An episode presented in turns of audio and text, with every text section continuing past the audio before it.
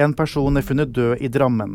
Politiet rykka ut i dag tidlig til ei boligblokk etter meldinger om en skada person. De sier det var naboer som fant personen. Det vi har gjort er at vi har gått gjennom eh, leiligheter her sånn, for å høre om det er noen som eh, kan ha hørt noe eller sett noe eller vite noe om saken.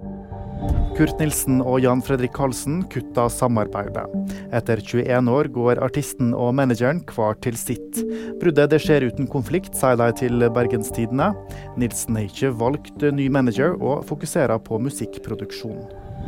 Musikkgigant bryter med TikTok, for Universal Music Group vil nå trekke sin musikk fra TikTok etter uenighet om en ny avtale.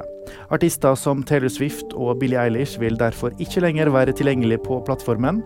Universal kritiserer TikTok for dårlig betaling og bruk av AI-musikk.